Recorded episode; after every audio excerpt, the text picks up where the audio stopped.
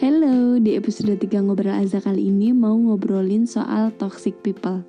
Pasti sering denger kan? Jadi gini, toxic people ini adalah orang-orang beracun Tapi bukan yang minum racun terus berubah jadi mutan Terus nyerang ke kota gitu, enggak.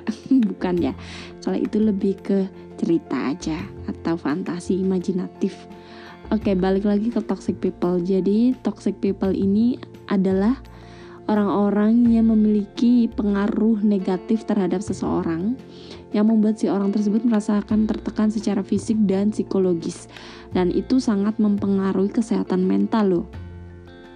Nah, pelaku toksik sendiri itu bisa dari pasangan, teman ataupun keluarga itu orang-orang terdekat kita loh guys. Dan membawanya pada hubungan toxic relationship. Biasanya kita tuh nggak sadar kalau lagi terjebak di toxic relationship. Dan itu sulit keluar. Percaya deh pokoknya itu. Dan sering kali si korban itu takut dan merasa tertekan karena orang-orang toksik itu pintar banget memanipulatif keadaan. Jadi hati-hati banget pokoknya ya kalau ditanya penyebab toksik apa sih? Jawabannya macam-macam. Coba deh di googling aja pasti jawabannya banyak banget.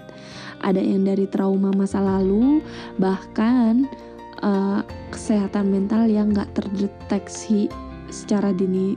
Gimana ya? Kita ini kan hidup di lingkungan yang kesadaran dan pengetahuan kesehatan mental ini masih dianggap tabu. Jadi kadang tuh nggak sadar bahwa kesehatan mental kita itu membawa kita ke perilaku toksik at perilaku toksik bahaya banget kan bayangin aja nih kalau secara nggak sadar kita jadi toxic people buat orang-orang terdekat di sekitaran kita wah itu sih aku nggak kebayang ya gimana jadinya gitu sebenarnya tanda-tanda orang toksik sendiri itu ada jadi kita bisa menghindari biar nggak terjebak sama orang-orang yang toksik ini. Yang pertama, selalu komentar negatif. Apa pun yang kamu lakukan, feedbacknya itu selalu negatif. Nggak ada yang namanya kritik membangun. Yang kedua, mudah marah. Nggak tahu kenapa, nggak jelas alasannya, pokoknya marah aja itu. Yang ketiga, tidak peduli dan pendapat. Maunya tuh didengar, bukan mendengar terus semua orang tuh harus setuju sama dia gitu.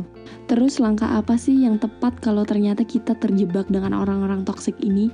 Jawabannya cuma satu, buru-buru keluar dari toxic circle itu, baik itu pasangan, pertemanan, atau keluarga. Walaupun itu nggak mudah dan butuh waktu ya untuk keluarnya itu, tapi solusinya ya cuma satu itu, keluar gitu. Karena apa? Karena kebahagiaan dan kesehatan mental kalian itu yang paling utama gitu. Kalau kalian nggak nggak bahagia, mau ngapain? Oke, segitu dulu ngobrol azanya. Nanti kita bahas hal lainnya. Buat teman-teman yang punya ide, mungkin silahkan gak usah sungkan kita sharing bareng-bareng apa yang mau diobrolin.